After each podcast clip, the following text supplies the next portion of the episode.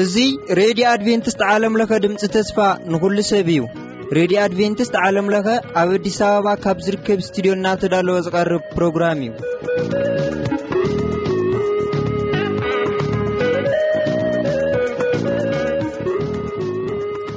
ኣብ ርሑቕን ቀረባን መደባትና ንምድማጽ ኣብ መስመርና ትርከቡ ተኸታተልቲ መደብና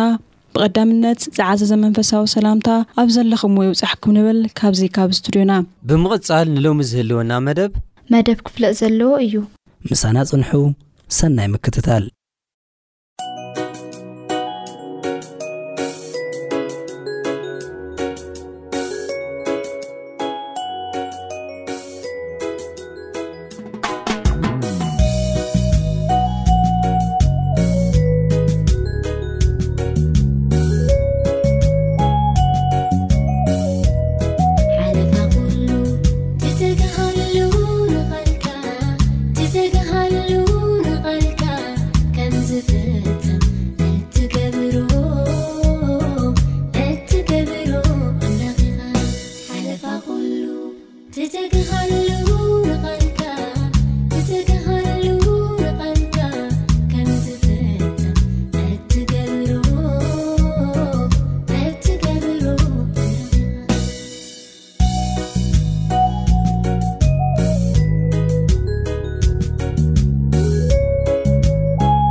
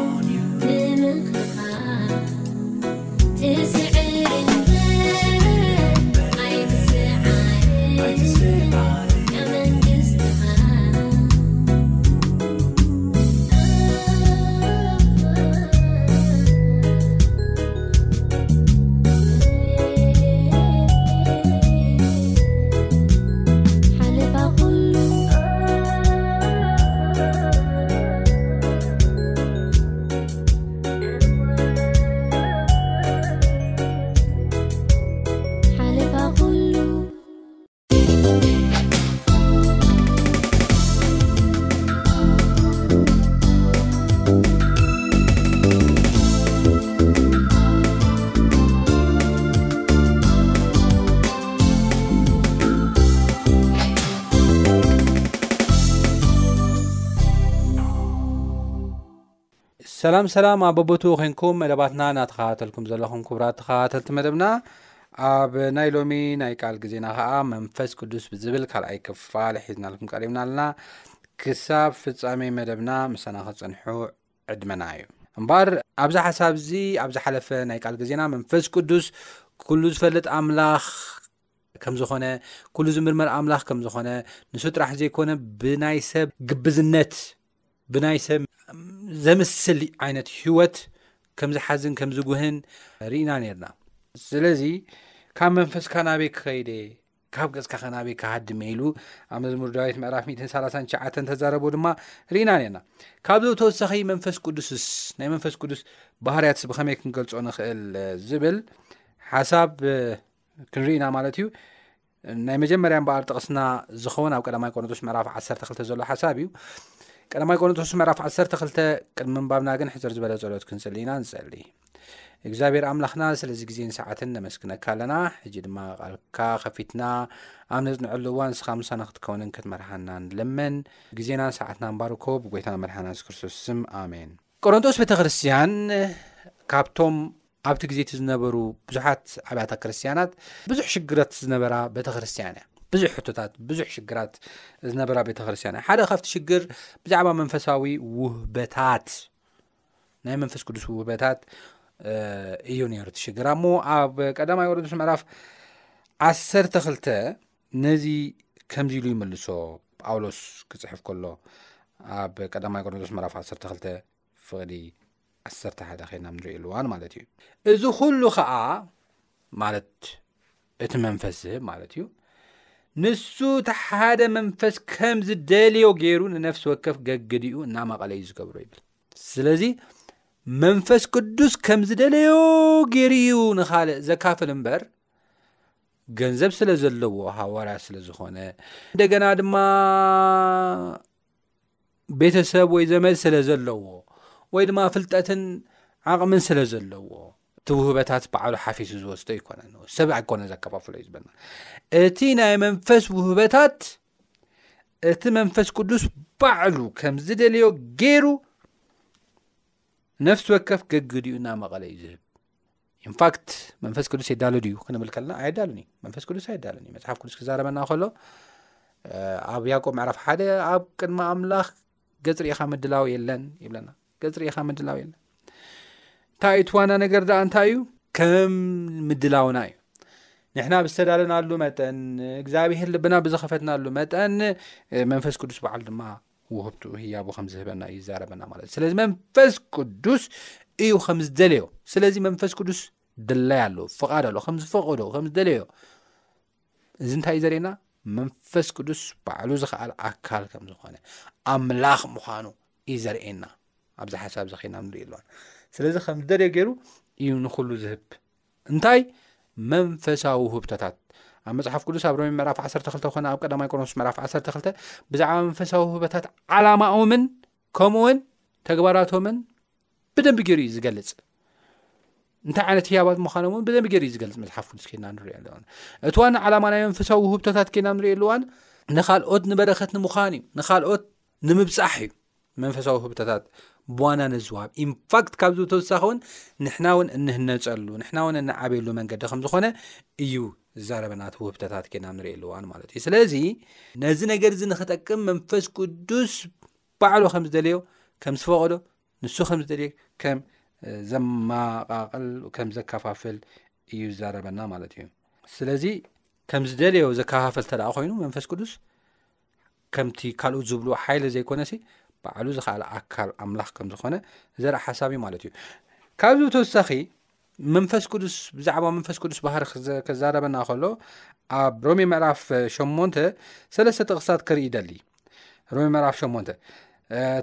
እተን ክልተ ጥቕሲ ኣብ ሮሜ ምዕራፍ 8 ካብ 14 ክሳብ 16 ዘለዋ እንትኸውን እታ ሳልሰይቲ ጥቕሰይ ከዓ ሮሜ መራፍ 8 ፍቕዲ 26 ዘሎ ሓሳብ እዩ እምበር መጀመርያ ካብ 14 ክሳብ 16 ዘሎ ሓሳብ ከንብሞ ኣብኡ ዘለዋ ክልተ ሓሳባት ክገልፅ ደሊ ተቐዳማይ ንስኻትኩም ስነቲ ብኡ ጌርና ኣባ ኣቦ ኢልና እንፅዋዓሉ መንፈስ ውሉድነት ኢኹም ተቐበልኩም እምበር መንፈስ ባርነት ከም ብሓድሽ ፍርሃት ኣይተቐበልኩምን ስለዚ እቶም ብመንፈስ ኣምላኽ ዝምርሑ ዘበሉ ንሳቶም ውሉድ ኣምላኽ እዮም ብመንፈስ ኣምላኽ ዝምርሑ ዘበሉ ንሳቶም እንታይ እዮም ውሉድ ኣምላኽ እዮም ውሉድ ኣምላኽ ምዃንና ከዓ እቲ መንፈስ ባዕሉ ምስ መንፈስና ኮይኑ ዝምስክር ይብለና ስለዚ ብዚ ሓሳብ እዚ ክልተ ሓሳባት ብዋናነት ተጠቂሶም ኣለዉ እቲ ቀዳማይ መንፈስ ቅዱስ ዝመርሕ ኣምላኽ ምዃኑ እዩ ዘርእና ናብ ቅድስና እግዚኣብሄር ናብ ምምሳል ንክንዓቢ ክርስቶስ ናብ ምምሳል ንክንዓቢ ዝመርሕ ከም ዝኾነ እዩ ዘርእየና ብመንፈስ ኣምላኽ ዝምርሑ ብመንፈስ ቅዱስ ዝምርሑ ንሳቶም ውልዲ ኣምላኽ እዮም ስለዚ ውልዲ ኣምላኽ ብመንፈስ ቅዱስ እዮም ክምርሑ ዘለዎም እምበር ብናይ ገዛእ ሓሳቦም ብናይ ገዛእ ትምኒቶም ቅኑዕ መሲሉ ብዝተረኣዮም ወይ ድማ ሰብ ብዝበሎም ኣይኮነ ዝምርሑ ናይ ቅዲ ህይወቶም ዝኸውን በቲ መንፈስ ቅዱስ ዝብሎም በቲ ቃል እግዚኣብሄር ተቐሚጡ ዘሎ እዩ ኢንፋክት መንፈስ ቅዱስ ናበይ እዩ ዝመርሓና ናብ ቃሉ እዩ ዝመርሓና ከም ቃሉ ክንነብር ከም ቃሉ ክንመላለስ እዩ ዝመርሓና ስለዚ ብመንፈስ ቅዱስ ኢና ክንምራሕ ዘለና መንፈስ ቅዱስ ናብ ቃሉ እዩ ዝመርሓና ብቃሉ ኢና ክንነብር ዘለና ማለት እዩ ስለዚ እቶም ብመንፈስ ኣምላኽ ዝምርሑ መንፈስ ቅዱስ ብዝበሎም ናብቲ ቃል እግዚኣብሄር ብዘመላኸቶም መሰረት እዮም ክምርሑ ዘለዎም ክነብሩ ዘለዎም ካብዚ ብተወሳኺ እቲ ካልኣይ ነጥብና ድማ ከይና ንርኢ ኣለዋን ውልድ ኣምላኽ ምዃንና ከዓ እቲ መንፈስ ባዕሉ ምስ መንፈስና ኮይኑ እዩ ዝምስክር ይብለና ውልድ ኣምላኽ ኢና እንታይ ከም ዝኸውን ድማ ገና ኣይተገልፀን ይብል ጳውሎስ ክዛረብ ኮሎ ውልድ ኣምላኽ ኢና መፅሓፍ ቅዱስ ኣብ ዮሃንስ ወንጌል ምዕራፍ ሓደ እንታይ ይብለና ወንጌል ሰበኸሎም ይብለና ንኣይሁድ መፅዩ ኣይተቐበልዎን ደሓር ነቶም ተቐበልዎ ዘበሉ ብስሙ ንዝኣምኑ ግና ውሉድ ኣምላኽ ክኾኑ መሰል ሃቦም ይብለና ስለዚ ንየሱስ ዝተቐበልዎ ንቓሉ ዝተቐበልዎ ከም ፍቓዱ ንኽነብሩ ድማ ዝወሰኑ ሰባት ንሳቶም ውሉድ ኣምላኽ ክኾኑ መሰል ሃቦም ይብለና እዞም ውሉድ ኣምላኽ ድማ ብህይወት ኣብ ዝመላለስሉ እዋን ብዙሕ ሽግርን ፈተናን የጋጥሞም እዩ ኢንፋክት ኣነ ውልዲ ኣምላኽ ተኮይነስ ኣበይ ኣሎ ኣቦይ እግዚኣብሄር ንምንታይ ገዲፍኒ ዝብል ዓይነት ጥርጣሬታት ክሓድሮም ይኽእል እዩ ነገር ግን መንፈስ ቅዱስ ንሕና ውልዲ ኣምላኽ ምዃንና እንታይ ይገብረና እዩ ኢብን ኣብ ከቢድ እዋናት ኣብ ተጠራጠርናሉ እዋን ውልዲ ኣምላኽ ምዃና ይምስክረልና እዩ ውልዲ ኣምላኽ ኢኹም ይብለና እዩ ምስ መንፈስና ንሕና መንፈስና ወይ ድማ ውሽጥና ኣእምሮና ብቓል እግዚኣብሄር መሰረት እንታይ ንገብር ኢና ውልዲ ኣምላኽ ምዃና ንኣምን ኢና እቲ መንፈስ ቅዱስ ግና ውሽጥና ኮይኑ ውልዲ ኣምላኽ ምዃና ከም ዝምስክር እዩ ዝዛረብ መፅሓፍ ቅዱስ ማለት እዩ እሞ ውሉድ እንተ ደኣ ኮንኩም ከዓ ውረስ ኹም ይብለና ስለዚ ውሉድ ኣምላኽ ዘይኮንኩም ናይ ክርስቶስ ቃል ዘይተቐበልኩም ብክርስቶስ ዘይኣመንኩም ሰባት ናብ ክርስቶስ ክትቀርቡ ዓብ ፃውዒት እዩ ማለት እዩ ኣብዚ ሓሳብ ግን ምስ መንፈስ ቅዱስ ዝተተሓዘ ሓሳብ ድማ ክንርኢ ከለና ዝምስክር ኣካል ዘለዎ እዩ ዝምስክር ኣምላኽ ዝኾነ እዩ ዝምስክር ኩሉ ዝፈልጥ እዩ ዝምስክር ኣብ ውሽጥና ዝሓድር እዩ መፅሓፍ ቅዱስ ኣብ ዋንስ ወንጌል ምዕራፍ 14 ኣንሆ ኣነ ኸይደ ኣነ ምስ ክድኩ ከዓ መፀናንዐ ክልእኸልኩም እየ ንሱ ድማ ዓለም ዘይትሪኦን ዘይትፈልጦን ስለ ዝኾነት እንታይ ትገብሩን እያ ኣይትቕበሎን እያ ኣይተቐበሎን እያ ንስኻትኩም ግን ኣብ ውሽጥኹም ስለ ዝነብር ትፈልጥዎን ተስተውዕልዎን ኢኹም ይብለና መፅሓፍ ቅዱስ ከና ንርኢ ኣለዋን ስለዚ ነዚ ኣብ ውሽጥና ዝነብር መንፈስ ቅዱስ ዊች ሚንስ ኣብቶም ተቐበሉ ሰባት ዝሓድር መንፈስ ቅዱስ ውሉድ ኣምላኽ ምዃኖም ከም ዝምስክረሎም መፅሓፍ ቅዱስ ዝዛረበና ማለት እዩ ስለዚ ዝምስክር መንፈስ ማለት መንፈስ ኣምላኽ ከም ዝኾነ ኣካል ናይ ባዕሉ ከም ዘለዎ ዘርኢ ሓሳብ እዩ ኢንፋክት እዚ ደጋጊመ ዝብሎ ዘለኹ ሓሳብ ዋና ዓላሙ ብዙሓት ስላሴ ዝቃወሙ ትምህርቲ ስለ ዘለዎ እዮም ንዕኦም እናመለስኩ ከም ዘለኹ ርድእ ክኸውን ይግባእ እዚ ሓሳብ እዚ ማለት እዩ ብዝኾነ ናብቲ ናብ ሮሜ ምዕራፍ 8 ፍቅዲ 26 ዘሎ ሓሳብ ክኣት ሞ ድሓር ሓሳበይ ከጠቓልል ይደሊ ሮሜ ምዕራፍ 8 ፍቅዲ 26 እንታይ ይብል መንፈስ ድማ ከምኡውን ደኻምና ይድግፍዎ እዩ መንፈስ ድማ ከም ዝቅድም ኢለ ዝበልኩም ብዙሕ ፈተናታት ብዙሕ ሽግራት ኣለና መንፈስ ከዓ ንደኻምና እንታይ ገብሮ እዩ ይድግፎ እዩ ከመይ ጌርና ክንፅሊ ከም ዝግባኣና ኣይንፈልጥን ኢና እሞ ስለዚ እቲ መንፈስ ባዕሉ እዩ ብዘይንገር እህታ ዝልምነልና ስለዚ መንፈስ ሓይሊ ዘይኮነ ሲ ኣምላኽ ከም ዝኾነ ዝማልድ ኣብ መንጎናን ኣብ መንጎ ኣምላኽን ኮይኑ ዝፅልየልና ዝማልደልና ዝፅልየልና መንፈስ ቅዱስ ኣምላኽ ከም ዘለና እዩ ዘረዳእና ብዚ ሓሳብ እዚ ኣብዚ ብዙሓት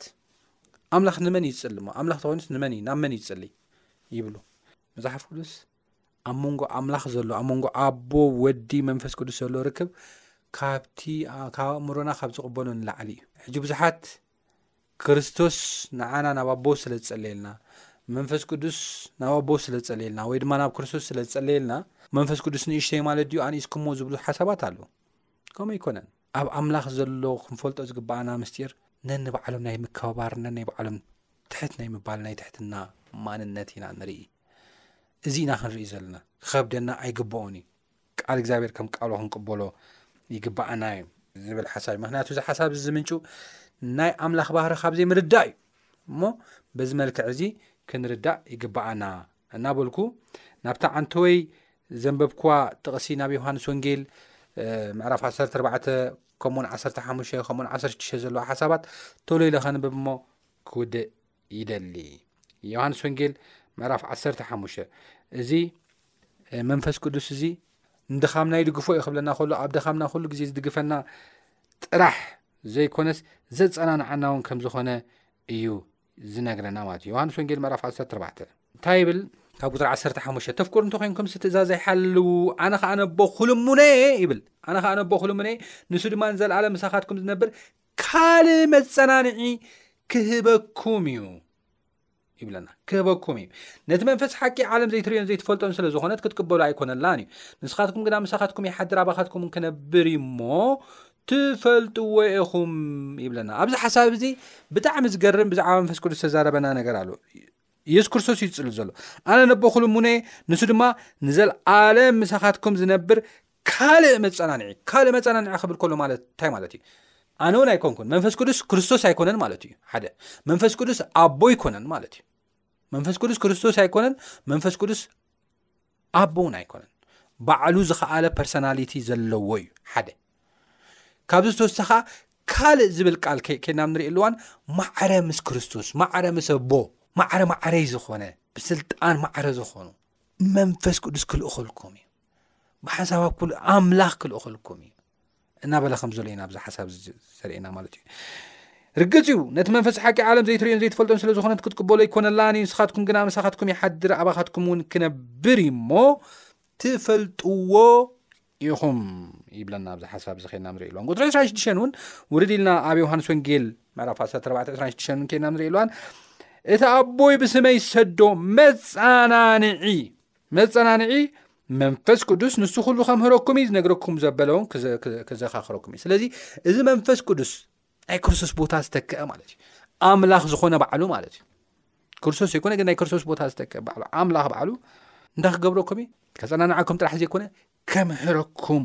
እውን ይብለና መፅሓፍ ቅዱስ ምስ ዝተታሒዙ ተመሳሳሊ ሓሳብ ኣብ ዮሃንስ ወንጌል መራፍ 15 ፍቕዲ 2ራ ሽዱሽተ ዝብሉ ሓሳብ ከንብበልኩም ይደሊ እቲ ኣነ ካብ ኣብ ኣቦ ዝሰደልኩም መፀናኒዒ ካብ ኣቦ ዝወዝእ መንፈስ ሓቂ ምስ መፀ ግና ንሱ ክምስክረለ እዩ ይብል ስለዚ ብዚ ሓሳብ እንታይ እዩ ዘርእና ዘሎ መንፈስ ቅዱስ ዝምስክር ኣምላኽ ምዃኑ እዩ ዘርእና ማለት እዩ መንፈስ ቅዱስ ዝምስክር ኣምላኽ ምዃኑ እዩ ዘርእና ኣብ መወዳእታ ዮሃንስ ወንጌል ምዕራፍ 16 ፍቕዲ 13-14 ኸዓ እቲ መንፈስ ሓቂ ምስ መፀ ግና ንሱ ዝሰምዖ ዘበለ እዩ ዝዛረብ እምበር ካብ ርሱ ኣይዛረብ እሞ ንሱ ዝመፅእ ከፍልጠኩም እዩ ዝመፅእ እንታይ ክመፅ ሎሚ ሰባት እንታይ ኮን ይመፅእ ኸውን ሎሚ ኸበበይ ጦርነት ይለዓል ሎሚ ኸናብራ ክኸውን እዩ ብዝብል ሓሳብ ካብ ምጽባይ ዝተላዕለ ክደኽሙ እዮም ከም ዝብል ኣብ ማቴዎስ ምዕራፍ 24 ደቂ ሰባት ክደኽሙ እዮም እንታይ ክመፅ እዩ ፊቸር መፃኢ እንታይ እዩ ኢሎም ካብ ምሕሳብ ክደኽሙ እዮም ካብ ዝብል ኣተሓሳስባ ስለ ዝደኽሙ ሰባት ድማ ካብ እግዚኣብሔር ስለ ዝርሕቑ መንፈስ ቅዱስ እንታይ እዩ ዝብለና ዘሎ ዝመፅእ ከፍልጠኩም እዩ ፕሪዲክት ክገብረልኩም እዩ ዝመፅእ እዚ እዩ እናበለ ከፍልጠኩም እዩ ሓድሽ ኣይክኾነኩምን ይመፃኢ ማለት እዩ ናብ ኩሉ ሓቂ እውን ክመርሓኩም ይብለና መፅሓፍ ቅዱስ ክዛረብ ከሎ ስለዚ ንሱ ካባይ ክወስድን ክነግረኩም እዩ እሞ ንኣይ እውን ከኽብረኒ እዩ ንኣ ክርስቶስ እውን ክብ ዘብሎ ዘኽብሮ ከም ዝኾነ ኢና ንርኢ ስለዚ መንፈስ ቅዱስ ኣምላኽ እዩ መንፈስ ቅዱስ ካብ የሱስ ክርስቶስ ካብ ኣቦ ዝተዋህበና እዩ መንፈስ ቅዱስ ዘፀናንዕ ዝድግፍ ስለናውን ዝማልት ስለ መጻኢ ዘፍልጠና ንክርስቶስ ኣብ ሂወትና ድማ ክብ ክብል ዝገብሮ